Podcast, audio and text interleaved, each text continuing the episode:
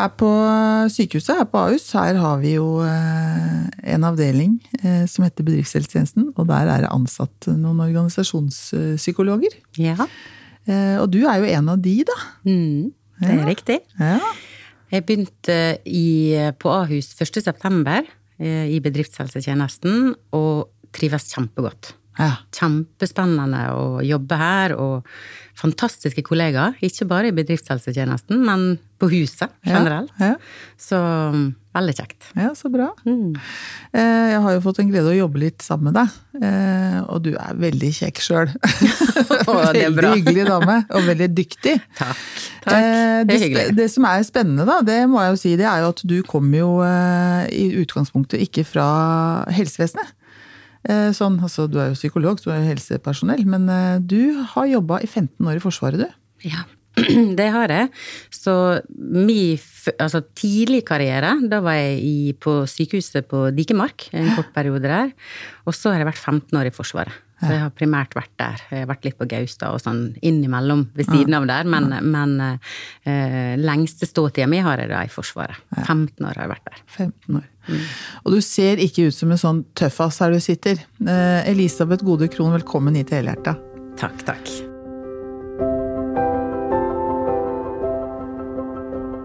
Eh, veldig, veldig eh, koselig og lugn og fin dame. Og sånn som vi som ikke er i Forsvaret, tenker Forsvaret, i hvert fall før vi så Kompani Lauritzen, eh, er at der er alle sånn tøffaser og strenge og litt sånn. Men sånn er det jo ikke. Nei da, det er ikke sånn. Det er, eh, det er jo en hierarkisk organisasjon, men eh, forbausende flat struktur og lave skuldre, kan jeg si da. Ja. Og så har vi verneplikt også for jenter. Så den organisasjonen også fra tradisjonelt sett å være mer mannsdominert, blir jo mer enn begge kjønn likeverdige. Eller ikke likeverdige, det ble jo feil ord, da, men, men eh, mer kvinnelige representanter i Forsvaret også. Er det, er det nesten like mange jenter som gutter nå i Forsvaret, eller? Eh, Blant første? de menige så begynner det vel å Det er vel fortsatt flest, flest gutter, eh, men, eh, men eh, blant menige vernepliktige så er det vel eh, mye flere jenter enn det tidligere var for noen år siden, da. Eh, Elisabeth, eh, vi skal snakke om mange ting i løpet av denne episoden her.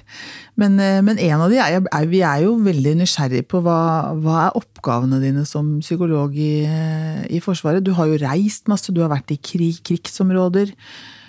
Altså, jeg bare Fortell. Ja, ja sant.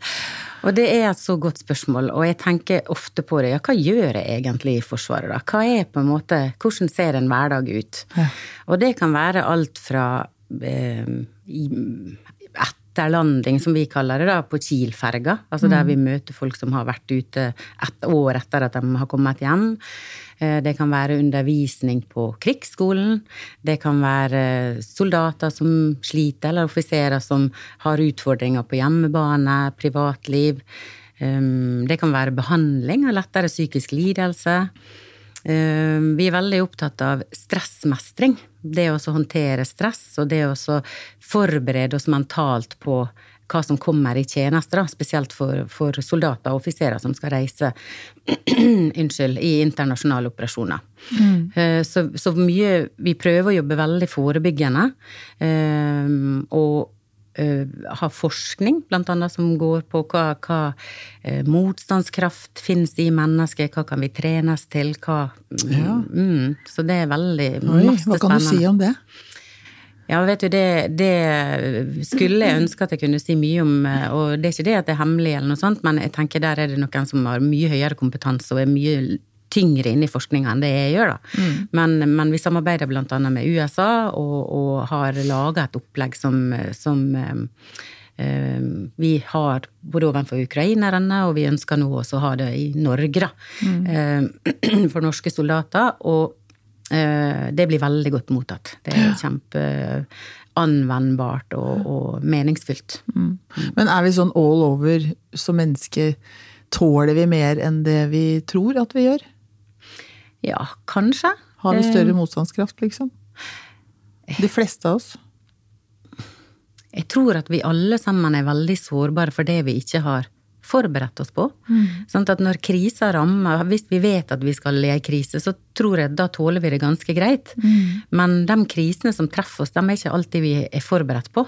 Og da er vi like sårbare alle som en. Så jeg tror noe kan vi trene oss opp til, mens, mens det å være tålmodig eller akseptere egen sårbarhet, tror jeg også er viktig, da. Mm. Så vi kan trene oss til å bli mer profesjonell, bruker jeg å tenke. Eh, Men, men livet treffer oss, uansett hvor trent vi er. Så treffer det oss der vi minst aner det, da. Ja. Du har jo eh, mange videreutdanninger, eh, og en av de er jo på kognitiv terapi og PTSD-behandling. Eh, Er, er, det, altså, er det sånn at PTSD, altså posttraumatisk stress, eh, er det noe vi opplever aller mest eh, når det er akutte hendelser, eller er, kan det også skje hvis det er, eh, hvis det er på påvirkning eller belastning over lang tid? Eh, akkurat rent sånn diagnosemessig så skal jo posttraumatisk lidelse kun gis etter en ekstrem hendelse, altså en veldig belastende hendelse. Men vi ser jo at det eh, det skjer jo at vi utvikler det vi kaller posttraumatiske reaksjoner, stressreaksjoner, hvis vi står i belastning over lang tid. Um, så det kan fort skje. Og det å eksponeres for uh, sterke bildemateriale eller synsinntrykk når vi ikke er mentalt forberedt på det, det har jo en skadeeffekt. Og da er jo ikke det hendelsen i seg sjøl som er dramatisk, men det er jo det innholdet i det vi blir eksponert for. Så, så jeg tenker jeg, jeg tror det er veldig vanskelig å svare ja eller nei på akkurat det spørsmålet. Jeg tenker at vi må bare være åpne for at de reaksjonene kan komme, og kanskje kjenne dem igjen, da. Mm. Når Hva slags reaksjoner er det sånn typisk? De typiske reaksjonene? Det er vel um, ubehag med å tenke på det som uh, vi har blitt eksponert for. Altså sterkt fysisk ubehag, altså kvalme, uh, fryktrespons. Mange blir veldig um, eh, mistenksomme, altså redde. Og Veldig, mm, det å få den subjektive følelsen av trygghet, den forsvinner litt. Sånn at man er, føler seg alltid på, ikke på jakt, men utsatt. Ja. Um, og, og søvn endrer seg, endring i matvaner. Altså mat mm. Noen får veldig appetitt, noen får overhodet ikke appetitt. Um, det å isolere seg, trekke seg bort fra andre, um, den type ting ser vi ofte. Mm. Kortere lunte, kanskje. Sant? At andre reagerer på at det skjer et eller annet med Ja. Elisabeth, men det er vanskelig å sette fingeren på hva, for hun sjøl fortsetter som før, da. Mm. Prøve, i hvert fall, å fortsette som før. Vi skal ikke gå inn på alle behandlingsmetodene man kan bruke på PTSD, for- det er ganske mye forskjellig. Mhm. Men du har jo også videreutdanning i en av de, i hvert fall eller to. Det ene er kognitiv terapi, og det andre er EMDR, som du også bruker. Eller? Nei, CT, CTPTSD. CT, ja, Mm. det er Kognitiv, PTSD. ja. Kognitiv terapi for PTSD. akkurat det, er det det heter. Mm, det er det det. Og, og den, den måten å jobbe på, har du, er det en måte du jobber på når du, når du reiser eh, ut i krigsområdene og møter de eh, Når vi drar til Ja, når vi drar ut i internasjonale operasjoner, så øh, gjør vi det de gangene det har vært ekstreme hendelser der ute, for å ta vare på personell. Men som regel når vi reiser ut, så gjør vi det rutinemessig. Vi har en, en oppfølging av dem som er i, i krigsområdet, med før, under og etter, kaller vi det. Det er en sånn tredeling. Og da er det på den underdelen at vi, vi drar ned og besøker. Og da er vi på besøksreise. Eh, årsaken til at vi drar ned da, er aldri for å drive behandling, for vi forventer at folk er friske og velfungerende. Men vi vet også at når du, bor, du blir i et leieliv over lang tid, så blir ting forstørra, og det kan være konflikter, det kan være samarbeidsutfordringer, det kan være for høy arbeidsbelastning, for lite arbeidsbelastning. Altså den type ting som, som vi tenker at det er viktig at vi kan eh, tappe litt av, da. Ja. mer enn at vi, vi holder på med behandling når vi er der. Ja, ja. Det er for å ta vare på personell. Mm. Det er det som er opp- arbeidsoppgavene våre. Ja. Er det mange som sliter? Um, Er det mye redsel, liksom? nei, og det er jo det som er eh, overraskende. For jeg sjøl var jo kjemperedd første gang jeg skulle reise til f.eks. Afghanistan på besøksreise. Så var jo Ja, jeg vettskremt. Ja, vettskremt og tenkte at det, um, uh, dette er jo det er jo krig med en gang. Ja. Um, og så var jeg litt hard med meg sjøl, for jeg tenkte at hvis jeg skal anbefale at andre unge eller foreldre skal sende datter eller sønn ned der, og jeg sjøl ikke skal tørre. fordi jeg ble, Da tenkte, ble jeg litt sånn eh, Det er litt ubehagelig feig, på en måte, eller Ja. Eh, Så, så jeg bestemte meg for å gjøre det, eh, og lærte utrolig mye. Det er nyttig å være der og se eh, hvordan de bor, hvordan de har det, eh, hvor, hvor flinke de er til å ta vare på seg sjøl og hverandre. Um, få er redd når de er der. Ja. Eh, fordi de, de får en opplevelse av Det er klart de er redde i situasjoner, jeg skal aldri, aldri si at de ikke er det, men, men de er jo trent på dette. Det, er jo, det er en, blir en slags tilfredsstillelse over å få gjøre det du har trent på. Eh, det, der du er profesjonell. Eh, og det handler jo ikke om liv eller død, men det handler jo om å forsvare verdiene og det, det som Norge har bestemt at vi skal uh, forsvare. Mm. Så, så en stolthet opplever jeg ofte, og en, en um, tilfredshet. Men også Vi prøver jo i hvert fall å mentalt forberede dem på at det er helt naturlig at du kommer, kan komme i situasjoner der du blir redd, og der du får opplevelser av å være overvelda, eller ja. Og som du kan tenke på i ettertid, naturligvis. Mm. Um, jeg må jo bare trekke inn Kompani Lauritzen. Ja, bra. Det er bra. Fordi at eh, det er jo på en måte det eneste jeg har sett av, og de fleste av oss som ikke har vært i militæret, eh, har sett av, av Forsvaret. Og det er jo overraskende hvor kloke befalet er. Eh, og han majoren, han eh, Jon Hammersmark, eh, viser jo veldig derre Det spennet mellom å være når, når, når, de er eh, redde, usikre, ikke vil, ikke tør, så veksler de veldig De har funnet den derre Han har funnet den derre nøkkelen. Men når skal jeg være tydelig og streng? Og når skal jeg være motivator? Når skal jeg trøste? Altså den der spennet der. De, altså hele den dimensjonen der, da. Er, det, er det sånn det er i Forsvaret? Er folk så kloke? Er befalet så kloke som stort sett? Ja, det må jeg si ja, må ikke det, da? Alle sammen. Alle sammen. Alle sammen. Ja, men er det liksom jevnt over sånn det er? Det er et veldig spennende spørsmål, og det er et veldig bra spørsmål, og det har jeg tenkt mye på etter at jeg begynte på Ahus. Fordi jeg kommer jo fra eh, jeg, tror du, jeg føler meg fortsatt litt ny i Forsvaret, men jeg har vært der i 14 år. Ja. Men jeg ser jo nå at nå har jeg blitt en del av den kulturen. Og hva er det Forsvaret gjør eh, i forhold til ledelse? For jeg ser det fra menige som kommer inn, og den reisa de har, da. Ja. Fra første tida i førstegangstjeneste til de avslutta eh, verneplikten sin. Så jeg tror jo at Forsvaret egentlig er bare en stor lederskole. Hvis Ja. jeg skal tenke sånn. eh, Ja, det er sånn jeg tenker på det. Og det er nok det som eh, kanskje viser seg også i Kompani Lauritzen.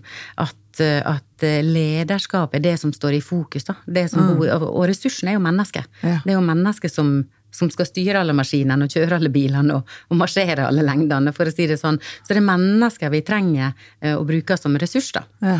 Eh, Så det gjør at det blir fokus på lederskap på en annen måte enn enn kanskje vi kan tillate oss i andre store organisasjoner eller etater. Da. Ja. Men akkurat det du sier med ressurser, da, så tenker jeg det er det som liksom står sånn veldig fram for meg. At de greier, alle befalene der, greier å se ressurser hos hver og en.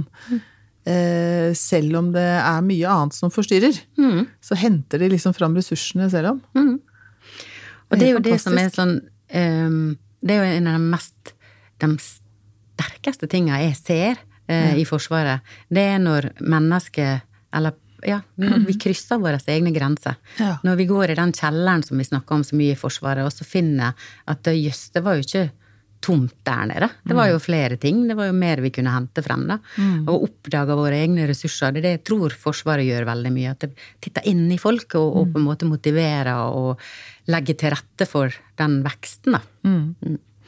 Og så en annen ting som jeg også har lagt veldig merke til der som, eh, som jeg som samtalepartner har lagt veldig vekt på bestandig, uansett om det er konflikter eller om det er pasienter eller om det er hvem det er, det er å ikke snakke for mye rundt grøten. eh, men være ganske direkte, da.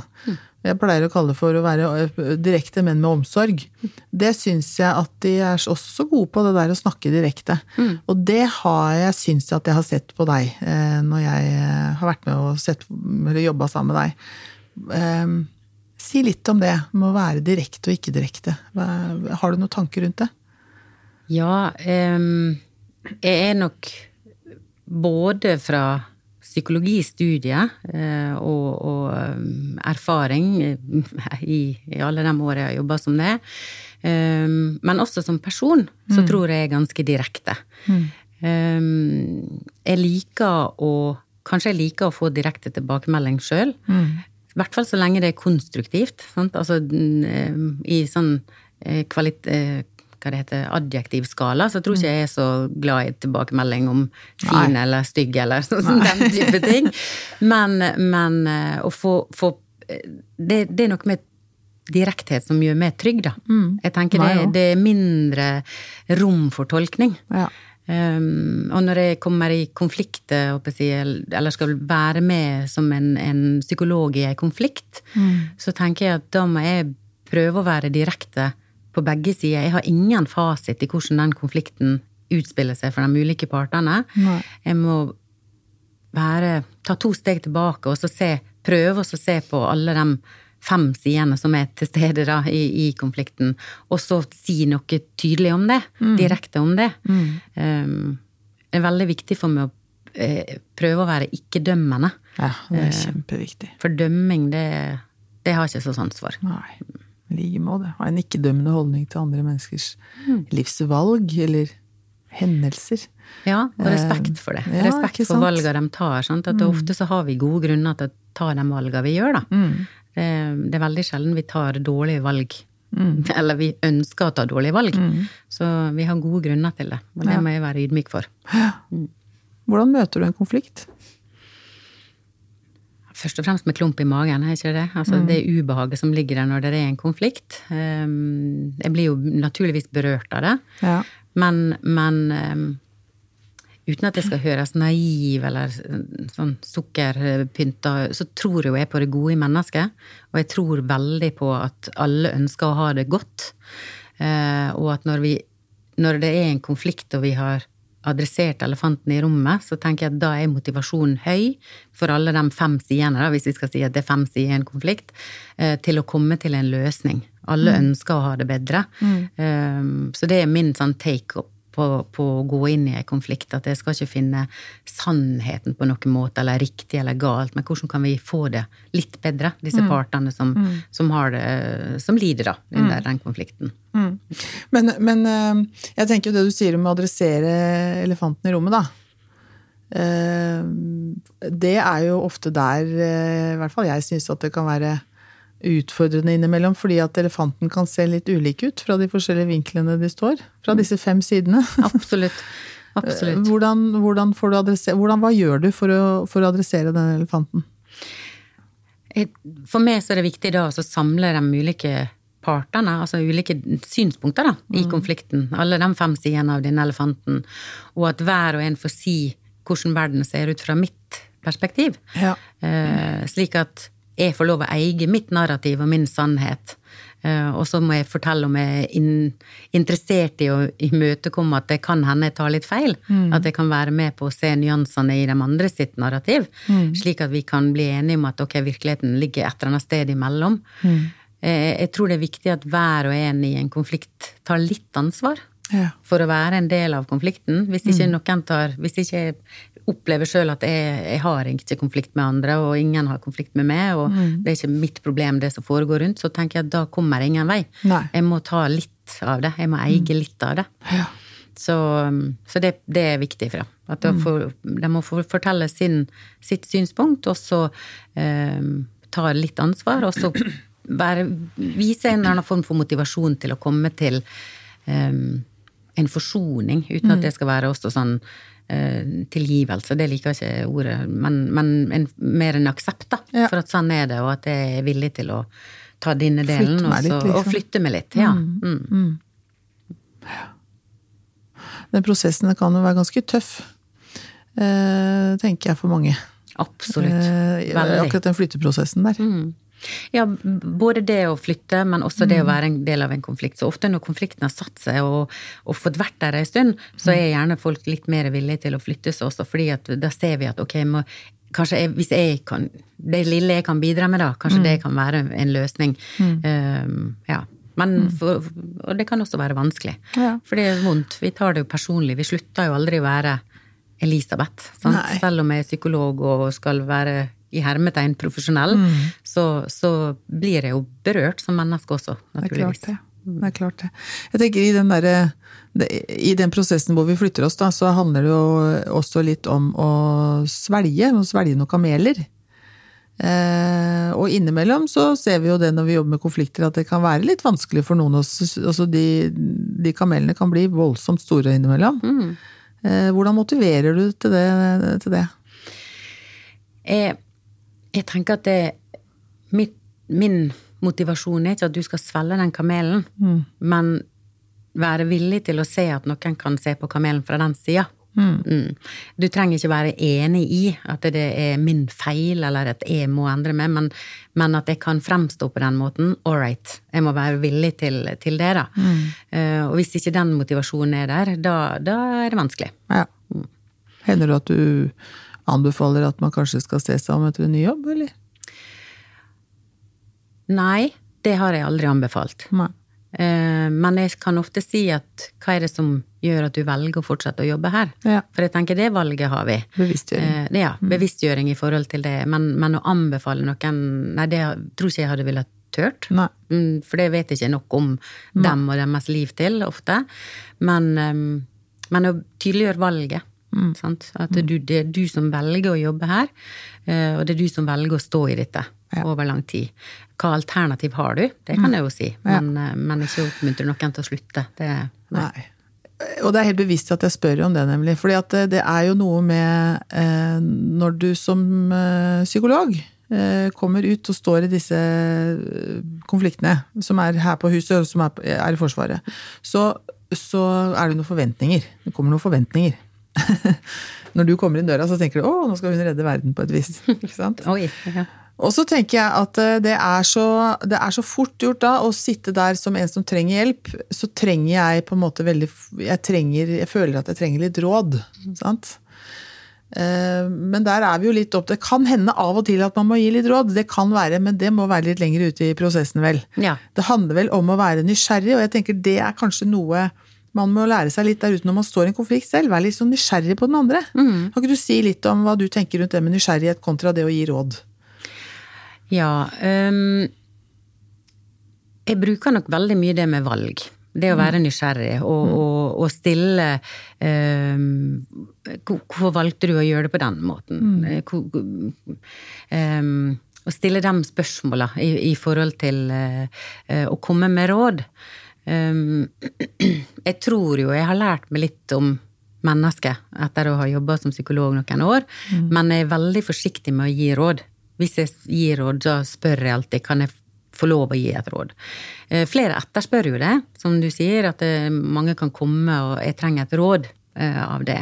Og da blir jeg alltid veldig årvåken, for da tenker jeg at det er ikke, det er ikke jeg god på, tror jeg. Å gi råd etter fem minutter, det, det tror ikke jeg er god på. Så da vil jeg kartlegge veldig først. Jeg vil bruke mye Du bruker ordet nysgjerrighet. Det, det tenker jeg er en fin beskrivelse av det. Å være Å prøve å forstå det. Hva er det, hva er det denne personen trenger råd til? Mm. Og hvorfor kom til meg? Og hva, hva skal det rådet gå Hvilken retning skal det rådet gå i?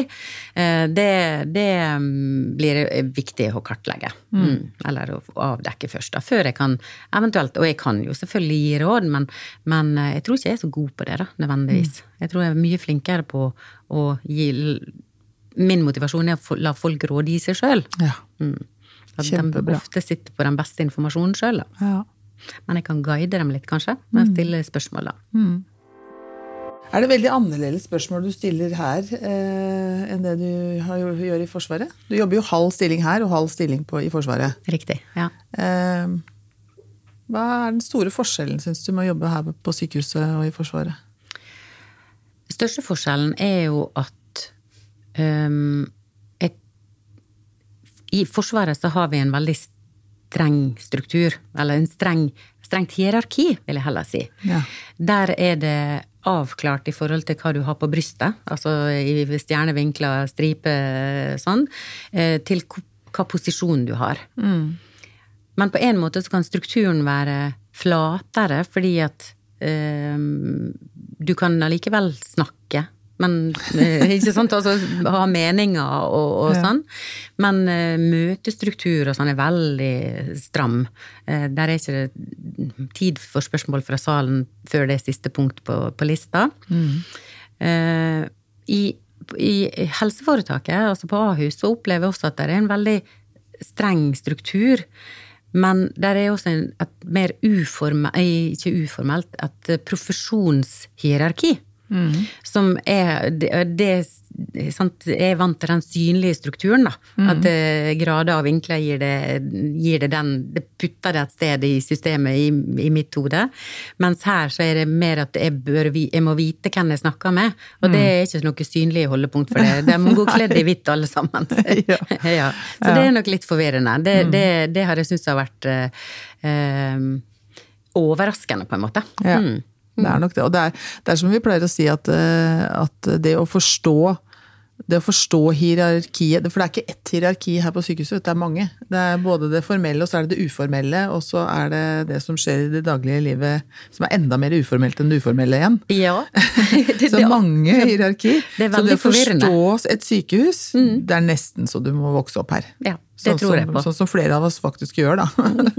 Kom hit i 20-åra og har blitt her, liksom. Ja. Eh, Allikevel så kan det være vanskelig å forholde seg til det. Så Mm. det, er, det er ikke så lett å forstå. Nei, det, det, det uformelle og det uformelle uformelle er veldig forvirrende. Det, det må jeg ærlig innrømme. Det, det eh, syns jeg er eh, Ja, det gjør noe at jeg blir litt varsom. At det, er er det, er det innafor, eller er det utafor, eller hva er forventningene her, og så videre, da. Men, eh, men det, er ikke, det er ikke ubehagelig. eh, men det er bare Ja, det er utfordrende på en annen måte. Mm. Eh, blir du godt eh, tatt imot når du kommer, eh, kommer ut? Her? På Ahus. På Ahus? Veldig. Veldig. Um, Det er ikke sånn at jeg er redd 'Å, nå kommer psykologspesialisten', nå, nå skal vi Det kan hende, det, det Men det er nok vant til både fra forsvar, altså, I Forsvaret også så er det jo en skepsis til psykologer og en, en eh, myte som dessverre er en myte, at vi kan lese tankene på folk. Det hadde jo vært mye gøyere hvis vi kunne det, da. Ja. Men en viss frykt kan det jo ofte være i forhold til at nå kommer eh, kommer psykologen, på en måte, i hermetegn, i begge leirer. Men eh, jeg, jeg opplever meg veldig godt tatt imot. Eh, både i Forsvaret og også på Ahus. Eh, nysgjerrighet og, og mennesker som vil ha det bra, ikke sant? og som er takknemlig for innspill på hvordan vi kan få det bedre i forhold til klimaet her på avdelinga, eller samarbeid i avdelinga, eller ja. Så eh, jeg føler meg utrolig privilegert. Ja, så bra. Vi håper du blir her lenge. Takk. Eh, Du har jo også videreutdanning i prestasjonspsykologi. Mm.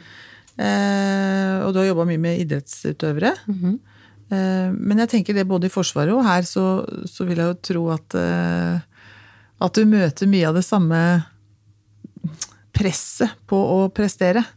Veldig. Altså Det er mye konkurranse. Det er jo en konkurranse, og så er det fryktelig mye, fryktelig mange både flinke gutter og flinke piker. Å ja.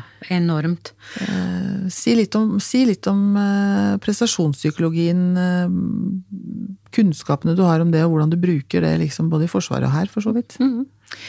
Det som eh, var øyeåpnende for meg eh, når jeg tok det med, med idretts- og prestasjonspsykologi, det var jo eh, at dette handler jo ikke om idrett.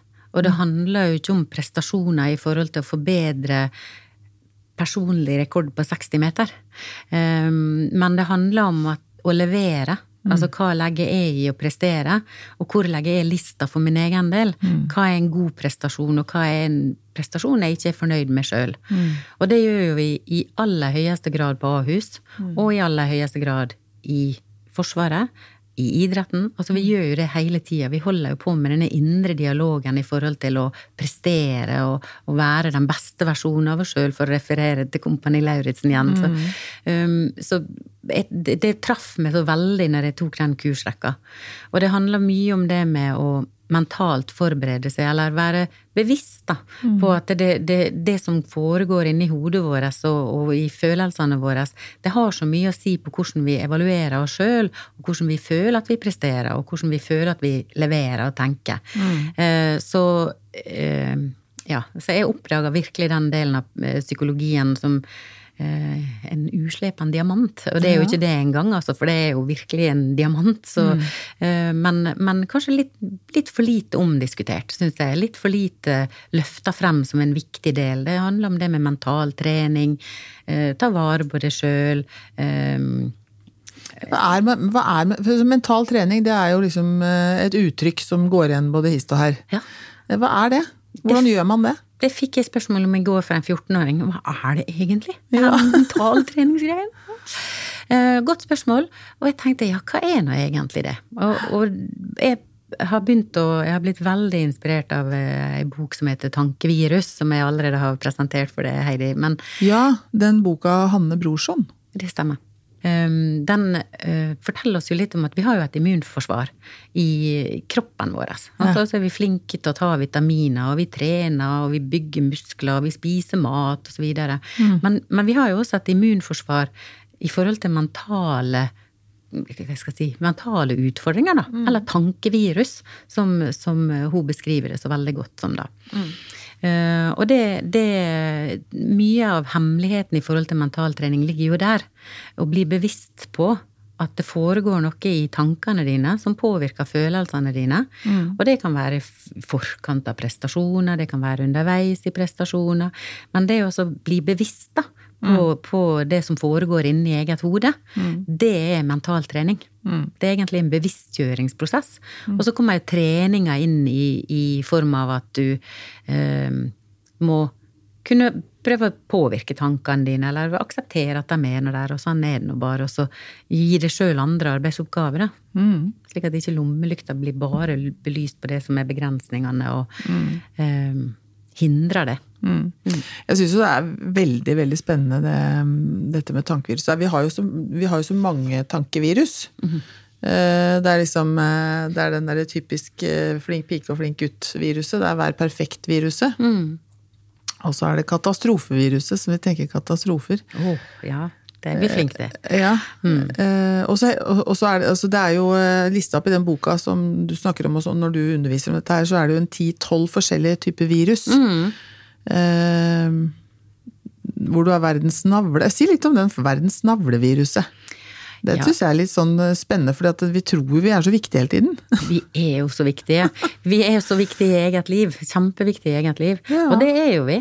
Men vi lever jo bare vårt eget liv. Jeg lever jo bare mitt liv. Ja. Og så tror jo jeg, da, i min, eh, min betydning, at alle andre er like opptatt av meg. Mm. Og at alle andre er like opptatt av hva som skjer i mitt liv. Mm. Så jeg blir litt navlebeskuende, rett og slett. Um, Og det er vi alle. Alle er vi mest opptatt av hva som skjer med oss sjøl og i våre egne liv. Men så har vi en tendens til å tenke at vi er veldig viktig for andre, eller at det er min atferd Jeg kan plutselig begynne, Det navlebeskuende viruset kan begynne å blandes inn med baksnakkvirus, og da kan jeg snakke negativt om meg sjøl. At ja, men hvorfor skal du ta plass, og skal du være på en podkast, Elisabeth, i alle dager? Hva folk vil tenke da? Og så videre. Så disse virusene er jo på en måte eh, Jeg syns hun har så gode beskrivelser på dem i den tankevirusboka, eh, fordi de er så allmenngyldige. Og så er jo ikke det slik at ett virus kan bekjempes med den type vitamin, eller, og de glir over i hverandre, og de gjenger seg på oss, da, disse virusene. Så har de en tendens til å spre seg også. Mm, Ja, det, ja, det er akkurat det. Mm. For vi tyter jo, det tyter jo ut. Og så sprer det seg blant andre. Ja. ja, vi blir flinke til å snakke oss ned, og hvis vi gjør det høyt nok, så kan plutselig omgivelsene nesten også begynne å gjøre det. Ja, ikke sant? Og hvis vi snakker, begynner å snakke oss sjøl ned, så har vi vel ganske raskt med å Det er ganske kort vei fra vi snakker seg sjøl ned til å snakke andre ned. Ja, hadde nå vi gjort det, så. Men jeg, jeg tror, ja, vi kanskje har en behov for å rangere oss sjøl i forhold til andre, Ja. men det er så kortvarig, da. Ja. For hvis jeg er flinkere enn det til å løpe, så gjelder det bare på den Så vil jeg snakke meg sjøl ned igjen etterpå Mm. allikevel. Da. Sånn, så vi, den interne rangeringa som vi gjør, eh, det er kanskje føles godt akkurat der og da, men så det har ikke så god vedvarende effekt, altså. Nei. Nei. Det har mye dårlig effekt mange av disse virusene, egentlig. Ja, og så er de så negative. Sant? Vi tenker jo masse hele tida, hver dag. Um, jeg er jo jeg er ganske overbevist om at familien min er glad i meg, men det er jo ikke en vond tanke. Så den plager jeg meg sjøl veldig lite med. Men jeg nevner den veldig, det er veldig sjelden at den får liksom tid til å feste seg i hodet mitt. Sånn, den bare fyker forbi, Ja. og så holder jeg gjerne fast på de tankene som er mer ubehagelige for meg, da. Ja. Mm. Jeg tenker det er litt sånn praktisk, da, hvis det er noen som kommer går forbi meg eh, i, i en korridor, og så, så ser de ikke på meg, eller hilser ikke på meg, så vil jeg jo automatisk tenke å gud a meg, har jeg gjort noe gærent nå? Ja. Nå har jeg sikkert gjort noe gærent. Og så kan det være at det mennesket du møter, egentlig bare er veldig opptatt i hodet sitt av et eller annet eller bare er et annet sted. Det Bør ikke være noe gærent i det hele tatt. Mest sannsynlig så er det mennesket opptatt av seg sjøl. Ja. Men vi, vi, vi tror jo det at vi, det, da har vi gjort noe gærent, eller eh, typisk å overse med, eller er ikke viktig nok i den altså, Vi har en sånn negativ eh, opplevelse av det. Men mye tar vi ansvar. Vi tar veldig stort ansvar, for at da har vi antageligvis da ikke gjort noe riktig dagen før, eller noe sånt, hvis en kollega ikke sier hei til oss. da. Så går vi veldig i oss sjøl og tenker hva, hva gærent har jeg gjort? Jeg bruker eh, En ting som irriterer meg veldig med meg sjøl, er at hvis eksempel jeg tar en parkeringsplass, og noen begynner å vinke og gestikulere at nei, det var dem som skulle ha den, eller noen fløyter på meg på en parkeringsplass, eller noe sånt, blir full av skyldfølelse. Ja. For hvorfor i alle dager skulle jeg eh, ta den plassen, eller forhindre dem for å ta den plassen? Eh, og så kan jeg være bli lei meg fordi at de ble sint på meg. ikke sant? Altså Ja. skamme meg for at jeg, det gjorde jeg ubehagelig for et annet menneske. Mens når jeg får noen på kontoret mitt for eksempel, som sier akkurat det samme, så kan jeg hisse meg veldig opp om at nei, gubba, nå har folk som fløyter, det er jo ufint og sånn. Men de reglene gjelder ikke for, For de? Gjelder, nei, de gjelder ikke for meg, men de gjelder for andre, da. Det, er- sånn er vi også veldig flinke, vi mennesker, tror jeg. Vi har ett sett med regler som gjelder for oss sjøl, og så har vi ett sett med regler som gjelder for andre. Vi er ganske strenge med oss sjøl. Veldig. Alle, faktisk. Alle. Og til og med tenker jeg de som har litt sånn ubehagelig oppførsel overfor andre, de er vel kanskje vel så strenge som andre. De, eh, helt ubevisst. Ja, jeg tror det. Jeg tror vi er selvkritiske, alle Ja, som en. ja. Vi, vi er ikke De som slår seg på brystet og, og tror de er, tenker de er verdensmestere. Jeg har ennå ikke møtt noen av dem. Mm. Nei. Og, det, og det er der jeg tenker at denne mentale treningen kommer inn, da. Mm. Eh, du sier jo, jeg synes jo du, du sier så klokt, eh, mennesker, vi mennesker, vi vil være litt spesielle, Mhm. og så vil vi allikevel være normale og blende inn, liksom. Mhm. Og så er det det midt imellom der vi må ta tak i, da, Mm. når vi skal gjøre mental trening, eller? Ja, jeg tror det. Eh, Frykten for å være unormal den er også nedfelt i oss mennesker, eller for å havne på utsida av fellesskap, eller ikke få være en del av samfunnet. Eller sånn. Det er vi kjemperedd for, å bli unormal på en måte. Ja. Men så, samtidig så vil ikke vi være helt normal heller. Vi vil være litt spesielle. Eh, og, så, og det hadde jo vært veldig fint hvis vi kunne da trekke frem det vi liker med å være spesiell, og sette positivt fortegn på det, og så bruke det i, i den indre dialogen, da. Men det gjør vi i liten grad, da. Vi Ja. trekker frem det negative, ikke sant, og Ja. så bruker vi det, da. Så, Ja. Men jeg tror vi hele tida drives av dette med å uh, Ja, vi finner liksom ikke helt balansen, alltid. Mm. Og hvilket verktøy skal jeg da bruke for å snu det? I hodet mitt. Først og fremst er det å tenke Kjenne igjen tankene. Altså kjenne igjen virusa. Og så tenker jeg at det finnes ulike verktøy. Hvis det er noe som får det til å hindre de å gjøre noe, altså det blir veldig skummelt å eh, holde en tale eller sånn, så vil jeg jo anbefale at da er kanskje det beste viruset å holde den talen. Og kanskje la det gå litt galt òg, til og med. Sant? Og Beste vitaminen. beste vitaminen, ja. Unnskyld, jeg er ikke virus for all del. Ja. Um, Eksponere det, liksom. Eksponere det, ja. Og så er det det å, eh, som jeg nevnte med å bli klar over hva jeg tenker på, da. Ja. Og noen ganger så kan det være lurt. Altså, det, ja, Elisabeth, du er Hvis jeg er ordentlig streng med meg sjøl, ja, du er ubrukelig. Og, og så tør å også løfte frem at ja, men hva bevis har jeg på det, da? Sånn, hvor mange ganger har jeg blitt kalt inn på teppet til sjefen min om at, og blitt irettesatt om at dette var ikke bra nok? Eller hvor mange venner har jeg mista som sier at nei, jeg gidder ikke være venn med det lenger? Eller, altså tørre å utforske litt sannheten i disse tankene, da. For vi tror jo mest på dem når vi er i det mest defensive hjørnet. Så det å så, ja, være litt bevisst på hva som foregår inni i hodet vårt. Rett, rett og slett eh, snakke litt med seg sjøl. Ja, rett og slett Ja, eh, snakke litt med seg sjøl. Og noen ganger så hjelper det faktisk å høre på en, en um, sang. Som gir deg inspirasjon, eller som du alltid som du blir glad av. Bare for å bryte mønsteret. Noen sier at ok, jeg skal tenke mer på dette her, men jeg skal bare Ja. støvsuge først. Eller først så skal jeg tenke på hva jeg skal ha til middag. Og, så. og da distraherer vi oss sjøl bort fra tanken. da. Får ikke han liksom sette seg, eller viruset får ikke liksom nei. Får ikke spredt seg så mye. Nei, du tar kontroll. Ja. Eh, bruker du, bruker du, altså du Om ikke du snakker om akkurat disse virusene, men, men det, bruker du dette her mye når du, når du er ute og jobber med både konflikter og med enkeltindivider her på sykehuset og, på, og i Forsvaret? Jeg bruker det veldig fordi jeg, jeg tror at vi vi må nødt til å bli bevisst på oss sjøl eh, før, vi, før vi kan eh, samhandle på en bedre måte med andre. Vi må være, erkjenne at jeg tar jo med meg mine jeg sitter jo med mine briller på eh, i møte med andre, og i hvert fall hvis jeg har konflikt. Sant? Det, det er alltid to sider i en konflikt, minst.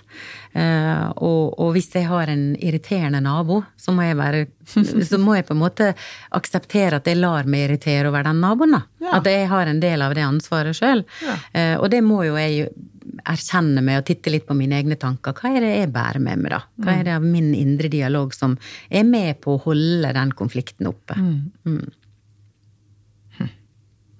Jeg tenker, Nå får jeg et sånt bilde i hodet mitt av eh, For du snakka i stad om de som føler at de er utenfor en konflikt, men egentlig lever midt inne. Altså, hvis du har et team, da, og så er det en konflikt der, og så er det ett menneske som føler at de ikke er en del av det. Eh, Så når det blir litt ugreit innenfor det teamet, så reiser det mennesket som ikke er en del av det, reiser seg opp og går. Så er det jo en ganske stor impact faktisk på de som sitter igjen. Mm. hva er- hvordan, hvordan skal vi hjelpe det mennesket til å, å vise, eller til å forstå, at det å reise seg opp og gå, og ikke ville være en del av det, eller vise med kroppsspråket sitt Ja, med å gå, da. Hvor viktig det rolle det faktisk er. Skal vi, hva slags spørsmål stiller du da for å få det til å oppdage Um, betydningen? da går jeg veldig inn på atferd. Da vil jeg nok spørre den personen at hva, hva, hva var det som gjorde at du gikk? Mm. og hva signal tror du det sendte til resten av teamet? Mm, Og der har du det direkte spørsmålet. Ja. Hvilket signal? Istedenfor Tror du det var noe signal? det var vel ikke noe signal? Så bra. Du, det er jo så masse spennende å snakke med deg om. Eh, hva tenker du? Nå har du vært i Forsvaret i 14 år, og så har du vært på Ahus i et halvt år. ja. Eh, hva har vi å lære av Forsvaret? Hmm, det er et godt spørsmål. Jeg tror, og dette er mitt inntrykk, ehm, men jeg tror helsevesenet kunne hatt eh, godt av å fokusert enda litt mer på ledelse. Jeg opplever både i Forsvaret og i helsevesenet at eh, ledere er så samvittighetsfulle, dedikerte mennesker som ønsker å gjøre en god jobb, men er ikke alltid like sikker på om de har like god verktøykasse. Um, og det å få lov å kanskje reindyrke mer ledelse um, i helsevesenet, det er mitt inntrykk uten at jeg kan si at det er helt annerledes enn Forsvaret, men i helsevesenet så opplever jeg at de har mer kompliserte lederoppgaver. Altså du har gjerne budsjettansvar og personalansvar og faglig utviklingsansvar og altså disse rollene som jeg tenker at alle disse tre eller fire er nesten egne lederroller for seg sjøl. Og mange blir til og med forventa at du skal være litt ute i klinikken i tillegg. Ja, og så skal du gjerne ha Ja, ikke sant? Og så skal du følge opp, og så skal du ha ansvar for det. Ja. eh, Og, det tenker jeg at det, det tror jeg det blir en Kan fort bli en brutal måte å brenne lys i begge ender på, da. Mm. Så det å eh, liksom ha en leder som ikke nødvendigvis trenger å ha vært på gulvet i 15 år før du da får den muligheten, men, men som er opp eller trent til å lede. Mm. Det tror jeg kan være en, en eh, vei å gå. Jeg tror det vil skape litt mindre støy for disse mellomlederne som står Mitt inntrykk er at de står i en kraftig spagat ofte. Ja. Mm. Tenk på en mellomleder her, vet du, har jo ansvaret for, kan jo ha ansvaret for 40-50 stykker. Personalansvar. Mm. Ja. Så har du mellomleder. Bare, bare det i seg sjøl Ja. sier ganske mye. Og kanskje mellomleder uten innflytelse. Ja. Så du, det, du, kan, du skal bare lede, på en måte, men du skal ikke lede. Du ikke ha myndighet, men du skal lede. ha omsorg også, ikke Ja. bare Ja. Mm. Så, Det er mange spørsmål rundt dette her, altså. Så det er en ting vi kan lære. Er det andre ting? mm, jeg tror jeg, jeg er i hvert fall Det er kanskje igjen da tilbake til hvor privilegert jeg føler meg. Jeg tror begge, begge instanser kan lære av hverandre, men jeg vet ikke om jeg klarer å sette helt ord på konkrete ting. Eh, Det er veldig mye likt, veldig mye eh, ulikt. Ekstrem høy faglighet i begge, begge, Leirer. begge leirer, for å si det sånn. Eh, Og, men veldig mye samme type personell. Ja. Mm. Veldig samvittighetsfulle, dyktige medarbeidere i begge leirer som vil mye. Og som har gode, genuine ønsker. Så, så et overførbar kompetanse i begge, eh, absolutt. Jeg tenker det er flotte system som burde kanskje samarbeide bedre, uten at jeg kan se på hvordan Ja. Mm. Eh, Og så tenker jeg det, eh, i tidlig, altså det, det som også er kanskje ganske likt, er at i hvert fall i perioder så er det ganske store Vi har jo mye Det er mange som står i høy arbeidsbelastning, da. Både emosjonell og psykologisk belastning. Eh, med alvorlige hendelser, alvorlig syn. Og så her må man jobbe, jobber jo masse akutt her. Det er jo Akuttmottaket her er jo helt vanvittig. Fødeavdelingen er en av Norges største, eller er vel Norges største fødeavdeling. Det skjer akutte ting absolutt hele tiden. Eh, hvordan er det å være deg, Elisabeth? Ikke bare psykologen, men Elisabeth. Eh, Vi er jo en helhet, da. Jeg er veldig opptatt av det at vi er en helhet. Men, men eh, hvordan er det å være Elisabeth eh, i møte med både Forsvarets krise, krisesituasjoner, og også de krisesituasjonene du har møtt mennesker med i helsevesenet nå? mm. Hvordan er det å stå i det? Det er mm, Det har vært ei bratt læringskurve. Mm. Det er mm, Jeg tror ikke jeg hadde lært så mye hvis ikke jeg hadde eh, eksponert meg for så mye. Mm. Og da mener jeg naturligvis følelser og krise og eh, kjenne igjen eh, hos andre. Eh, et, et, når jeg står midt i det, så tenker jeg at det har en pris. Det, det koster mye. Um, og da, når det er spesielt i krise som varer over litt tid, da, altså med dødsfall der du møter kanskje pårørende, eller følger litt opp eh, på den måten, så, eh, så er det tungt. Og da må jeg sette grenser. Da, da må jeg ha avkobling, kjenner jeg. Ja. Uten at jeg, jeg kan Altså, jeg flagger jo ikke det, selvfølgelig, sånn. eh, Men for meg er det viktig å være profesjonell i krisen, altså i, i krisa. Og så må jeg vite om hvordan jeg har behov for å restituere meg etterpå. Mm. Hva gjør du? Um, jeg har behov for å komme hjem til en normalitet som river meg helt ut av eh, Situasjonen, ja. ja, ut av situasjonen og, og krever min oppmerksomhet. Da. Så barn og oppfølging av dem har vært eh, min go to. Eh, lettbeint underholdning. Ingen thrillere, kompliserte greier. Lettbeint. Jeg er så enig i det. Ja, eh, Det, det eh, har vært viktig, eller, og er viktig. Og så er det å gråte når jeg må. Mm. Rett og slett. Jeg har sittet på parkeringsplasser og grått alene og tenkt at ok, det er min måte å reagere på. Og da har jeg hatt behov for å gjøre det alene. Mm.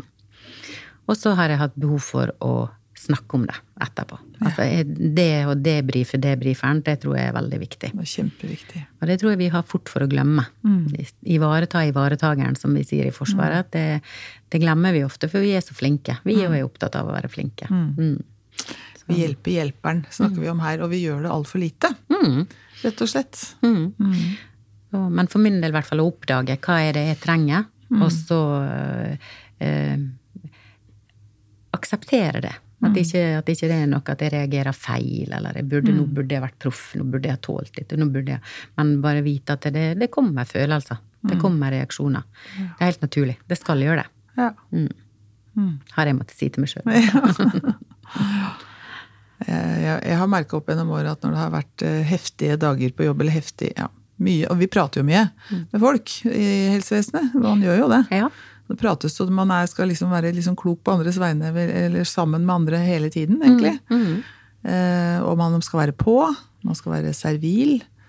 Eh, sånn hele tiden. Så tenker jeg at eh, selv om vi aldri Jeg er veldig, jeg er veldig ekstrovert. Mm. Men min måte å håndtere sånne belastninger på, er rett og slett å ikke behøve å snakke en periode helt til jeg er klar for å begynne å prate. Så jeg kan, være, jeg kan sitte med strikketøy og se på lettbent underholdning. Ja, jeg er helt enig. Det, det, det, uh, uten, å si, uten å snakke noe særlig en hel kveld. Mm. Og, og de jeg bor sammen med, forstår det. Mhm. Og jeg det- tenker Det er liksom noe med den rausheten, men også si noe, si noe om at det er derfor. da, Det er jo noe med det. Ja. Og det er viktig. Det, det, um, eh, jeg har jo veldig troa på det også. Eh, Jeg kjenner meg veldig igjen i det du sier med at jeg, jeg snakker først når jeg er klar for det sjøl.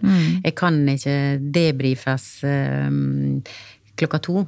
Altså, det, det må være når, når, det, når jeg er klart. Og det handler jo sikkert litt om at jeg sorterer det når jeg sitter der og strikker og, og, og koser meg og ser på TV, eller koser, prøver å kose meg, men det er en Slapp av, sorterings... liksom. Slapp av, rett og slett, og bare ha fri, da. Ja.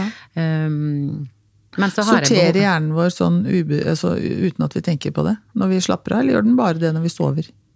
Uh, jeg, tror, jeg tror begge deler. Jeg tror at den, den, den gjør det også når vi, vi sitter og strikker, eller altså bare slapper av, da.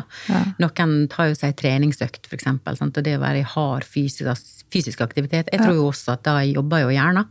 Vi er jo ikke frakobla på, på, på noe som helst slags måte, men um, ja, jeg tror det er viktig å bare akseptere, eller godta at vi, vi, vi reagerer forskjellig, og, og, og noen har umiddelbart behov for å snakke om det, og noen kan trenge litt mer tid for å gjøre det, og um, ja. Jeg vet ikke om jeg svarte helt på, på Jo, jo mm. Absolutt. Det er jo ikke noe, det er jo ikke noe totalsvar her. Det er jo liksom hva, Nå har du sagt litt av hva du gjør for å, for å ta vare på deg sjøl. Så er det både hjemme og lettbent, lettbent underholdning mm. og strikketøy og sånn. Mm, mm. Høres veldig likt ut sånn som jeg gjør dette her. Men, men eh, er det er det, andre, er det andre måter du Går du hos psykolog sjøl? Går psykologene hos psykolog? Um, Sånn generelt, Du skal bør ikke betale Jo, men jeg, kunne, jeg, personlig, jeg, men eh, jeg, har ikke, jeg har ikke gjort det, men vi er jo veldig opptatt av eh, og det er ikke viktig om jeg har gjort det eller ei, eh, sant? Altså, men eh, vi er veldig flinke, vi psykologer, til å bruke kollegastøtte. Altså bruke hverandre som kollegaer. Vi er pålagt eh, mye under vi, nei, veiledning. veiledning. Både på disse kursene og fordypningene som vi går, så er det mye veiledning. Og det er jo for å eh, trene oss i å snakke om hvordan vi har det. Eh, og det, det er jo noe av det som jeg er mest eh, glad i, i i min jobb, da. Det å, den tilgjengeligheten som der er for andre kollegaer, å kunne diskutere og ventilere og uh, dra nytte av andre sin erfaring, da. Det tror jeg er kjempeviktig. I alle, ikke bare vi psykologer, men alle trenger gode kollegaer, da. Og det er jo litt spennende, for nå her på AUS, så holder vi jo på nå med det første, år, første året med en pilot, hvor eh, vi har eh, er det 50 stykker som er med og starta som kollegastøttere. Ja, det er så gøy. og. Vi hadde jo samling eh, for bare for noen dager siden. Ja, kjempegøy. Eh, skal vi si litt om kollegastøtteordningen, eller? Fortell du. Kan vi godt? Ja. eh, igjen er jeg jo heldig som kommer ny inn i dette. Eh, kjenner litt til ordninga fra en annen etat, fra politiet. Eh, gjøres litt på en egen måte på Ahus. Men jeg tror det passer veldig bra til Ahus og Ahus-modellen. Eh, jeg har vært to ganger og hørt Øystein Mæland snakke til forsamling, og da sier han at vi nå vil bygge en kultur for ivaretagelse. Og da tenker jeg at eh, kollegastøtteordninga er spot on. Det er på en måte midt i blinken der. Jeg tror støtte på lavest mulig nivå, Ja. som jeg kaller det, altså rett helst i kontoret ved siden av, Mm. det, det er veldig forebyggende, og det gir en trygghet i miljøet om at det er greit å snakke om ting vi blir berørt av, for vi er mennesker og ikke maskiner, så vi skal bli berørt. Mm. men det å ha gode rutiner, da, etablerte gode rutiner for hvor jeg finner den støtta, mm. og at det er noe som Ahus satser på, syns jeg er kjempeviktig. Ja, det er kjempeviktig. Og det er jo sånn at en kollegastøtter er ikke det samme som verneombud eller tillitsvalgt. Dette er en av kollegaene, eller flere av kollegaene i en seksjon som skal utdannes eh, som eh, da bedriftshelsetjenesten, og som jeg også er med på. Og utdanne de til å være til å rustes til å, å, kunne være en god samtalepartner. Og den samtalen den skal ikke journalføres, og den skal ikke sladres om til noen. Den skal bare være et sted hvor du kan defuse og debrife, bare få, eller ikke debrife, men få ut mm. Reaksjoner. Mm. Ja. Jeg tenker det er veldig viktig både for, for dem som har vært der lenge, men også, også nyansatte. Ja. Eh, og når den ordninga blir etablert, da. Mm.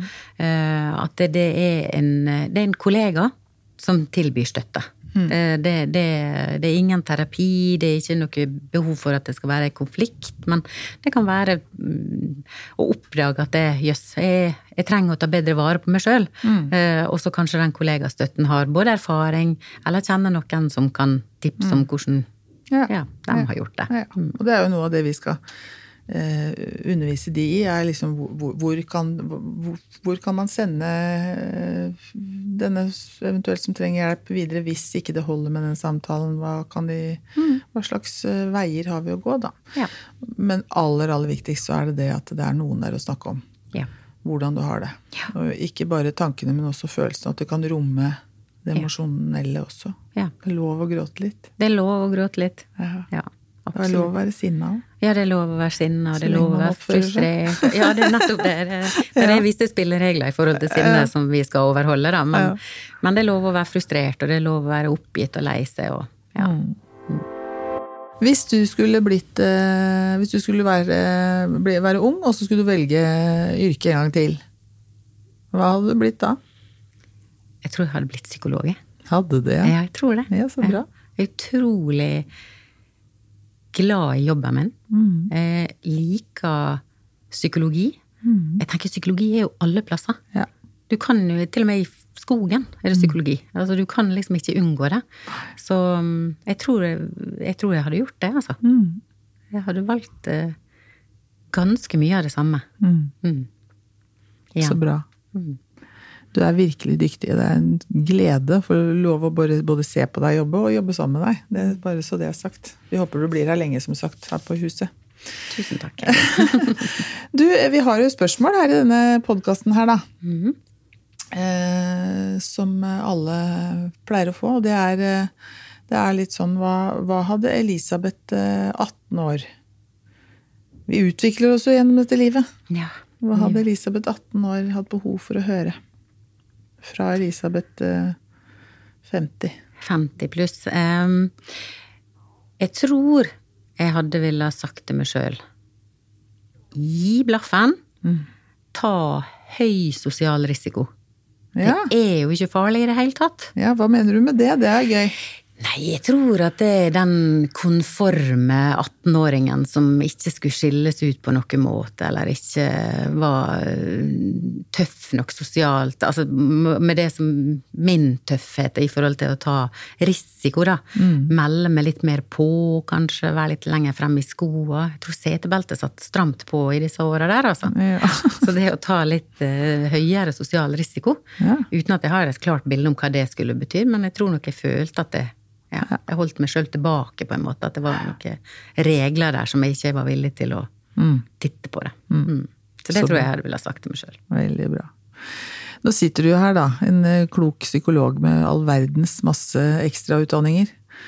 Eh, lytterne der ute, de sitter nå og tenker å, skulle jeg fått et fint uh, lite tips for denne dagen i dag? Hva vil du si til de da? Se etter det positive. Mm. Ja. Veldig bra. Se etter det som er bra. Eller finn to ting som gjør deg glad i dag. Ja. Mm. Ha prikken og fokus på det positive. Ja, mm. rett og slett.